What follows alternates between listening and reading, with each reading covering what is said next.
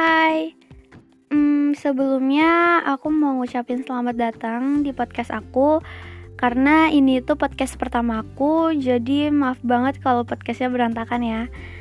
Oh ya, dan di podcast selanjutnya aku bakal ngomongin hal yang random banget sih. Jadi enjoy ya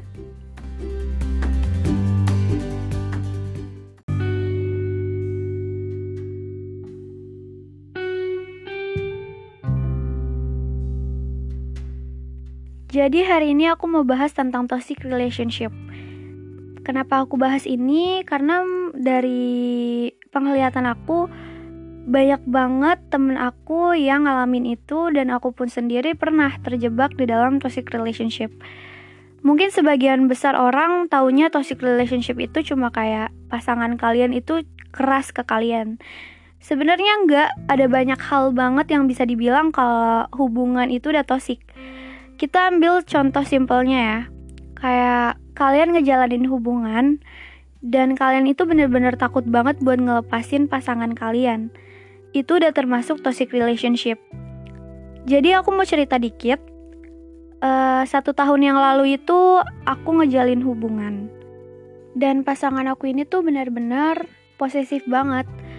Awalnya itu aku bener-bener wajarin dia dan makin ke sini kok aku ngerasa posesifnya dia itu kayak nggak masuk akal gitu. Dan juga dia itu sering banget ngebeda-bedain aku sama temen aku atau temennya dia. Dan itu bikin bener-bener aku sakit hati banget sih. Karena apa ya? Ya kalau misalkan dia bisa kenapa harus aku? Kalau misalkan emang mau kamu kayak gitu ya udah sama dia aja kenapa harus aku jadi gitu, kalian ngerti kan? Dan satu lagi, dia itu bener-bener playing victim banget. Jadi terus-terusan ngerasa seolah dia itu yang paling tersakiti. Padahal di dalam hubungan itu bener-bener aku yang bener-bener ngebatin banget. Dan di hubungan aku, dia itu gampang banget minta kata putus. Seolah-olah kayak apa ya? Bener-bener gampang banget ngomong putus kayak kalian ngerti kan? Itu bener-bener bikin aku bingung banget sih sama sikapnya dia. Uh, setiap ada masalah yang menurut aku itu masalah sepele selalu digede-gedein sama dia dan itu yang aku bilang dia langsung play victim dan merasa dia yang paling tersakiti. Kalau ditanya apa aja sih toxic yang aku rasain di dalam hubungan aku itu yang pertama dia itu posesif banget yang kedua dia ngatur-ngatur aku banget dan yang ketiga hmm, dia itu playing victim. Empat dia suka ngebeda-bedain gak wajar banget ngebeda-bedain orang dan semua orang gak suka dibeda-bedain. Dan yang kelima ini beneran parah banget sih dia ngejalin hubungan sama aku bukan karena uh, rasa cinta sama aku, tapi nafsu. Dan kalau misalkan kalian bilang posesif sama ngatur-ngatur itu wajar, itu bener-bener udah gak wajar banget karena posesif sama ngatur-ngaturnya dia itu udah kelewat batas kalau menurut aku. Dan karena emang bener kelewat batas guys. Jadi kenapa aku bisa bilang kelewat batas? Waktu itu aku itu belajar buat ujian dan aku juga udah izin sama dia kalau misalkan aku mau belajar. Dia tiba-tiba nyindir aku di sosmed di IG-nya dia di snapgramnya dia.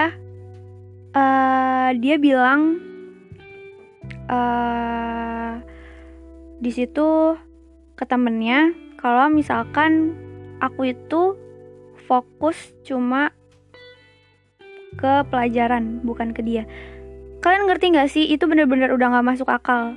Dan itu aku sempat gak chatan sama dia sehari Sehari apa dua hari gitu. Gak wajar banget kan? Jadi waktu aku ngejalanin hubungan itu Tiap hari aku gak berhenti-berhentinya nanya ke diri aku sendiri. Sebenarnya dia itu sayang gak sih sama aku? Tiap hari aku pasti nanya kayak gitu. Karena yang aku lihat setiap ada masalah itu dia selalu dengan gampangnya minta putus. dan kalau misalkan lagi adem ayem dia pasti selalu posesif. Jadi itu yang bikin aku bingung gitu. Dia sebenarnya sayang gak sih sama aku? Karena bener-bener segampang itu dia ngomong putus dan aku kasih tahu banget ke kalian kalau misalkan kalian itu udah ketemu sama orang yang suka playing victim, aku mohon jauhin. Mau gimana pun caranya, jauhin. Karena itu semua permulaan dari adanya toxic circle. Dan ya, aku mau cerita dikit juga tentang pengalaman temen aku. Jadi, sekarang aku mohon banget ke kalian kalau misalkan kalian itu ketemu sama orang yang suka playing victim, aku mohon banget gimana pun caranya kalian harus ngejauhin orang itu. Karena orang yang suka playing victim itu permulaan banget dari orang yang toxic. Jadi ini cerita tentang temen aku ya. Dan sampai sekarang dia itu masih terjebak di dalam toxic relationship dia itu takut banget sama pacarnya dan dia nggak bisa ngejauh dari pacarnya. Dan setiap dia ada masalah, temen aku itu selalu ngemis-ngemis minta maaf. Dan lain lagi dengan cowoknya. Cowoknya malah dengan gampangnya bilang kata putus. Sebenarnya posesif itu sesuatu yang toksik juga menurut gue. Karena kalau emang sayang kalau emang cinta nggak harus jangan ini jangan itu nggak boleh ini nggak boleh itu pap pap pap pap. Jangan jalan sama temen cowok. Kalau definisi sayang harus seposesif itu capek. Kalau kalian gak nyaman kalian boleh kok berontak. Jangan takut. Kalau misalkan kalian gak bisa dicoba pelan-pelan. Jangan bilang gak bisa dulu. Emang kalian gak capek? Harus terus-terusan ngebatin. Aku ngerti banget apa yang kalian rasain selama ini. Aku ngerti banget gimana terjebak di dalam toxic relationship. Kalau kalian mau keluar jangan takut. Ingat ya, Tuhan bakal ngasih kamu yang lebih baik dari sebelumnya. Ingat ya, Tuhan bakal ngasih yang lebih baik dari sebelumnya. Jadi aku mohon sama kalian, kalian jangan takut buat keluar dari toxic relationship. Karena aku yang udah keluar, aku percaya, aku percaya Tuhan bakal datengin yang lebih baik dari yang sebelumnya.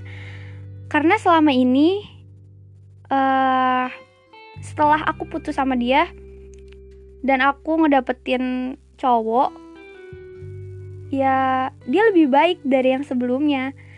Dan aku percaya banget sama pepatah itu. Jadi aku mohon banget sama kalian kalian jangan takut buat keluar dari toxic relationship. Karena menurut aku uh, semakin kalian tahan dia semakin banyak rasa sakit yang akan kalian dapetin karena kalau menurut aku, kalau kalian sekarang bisa ngelepasin dia, kalian bisa keluar dari toxic relationship itu, itu cuma sementara sakit hatinya. Aku yakin itu cuma sementara sakit hatinya. Kalau emang dia cinta sama kamu, dia sayang sama kamu, dia pasti bakal ngasih sepenuhnya kepercayaan dia ke kamu. Dia nggak bakal ngatur-ngatur kamu, dia nggak bakal ngekang-ngekang kamu sampai temen aku bilang, aku sayang banget sama dia. Dan aku bilang, dia sesayang itu juga sama kamu. Dia aja bisa bodo amat sama kamu. Kamu spam chat dia dan dia gampangnya bilang minta putus. Dan aku percayain dia bahwa kalau kamu ninggalin dia, kamu bakal bisa lebih bahagia dari sekarang. Karena di dalam toxic relationship, itu yang berjuang kalau menurut aku cuma satu orang. Masalah sepele digedein. Setiap ada masalah, bawa-bawa kata putus mulu. Iya kan? Jadi, aku mohon banget aku ingetin sekali lagi jangan takut buat keluar dari toxic relationship. Tuhan bener-bener bakal nyariin pasangan yang terbaik buat kamu dan kamu bakal lebih bahagia dari yang kamu punya sekarang. Toxic itu tuh yang didapetin cuma negatifnya doang.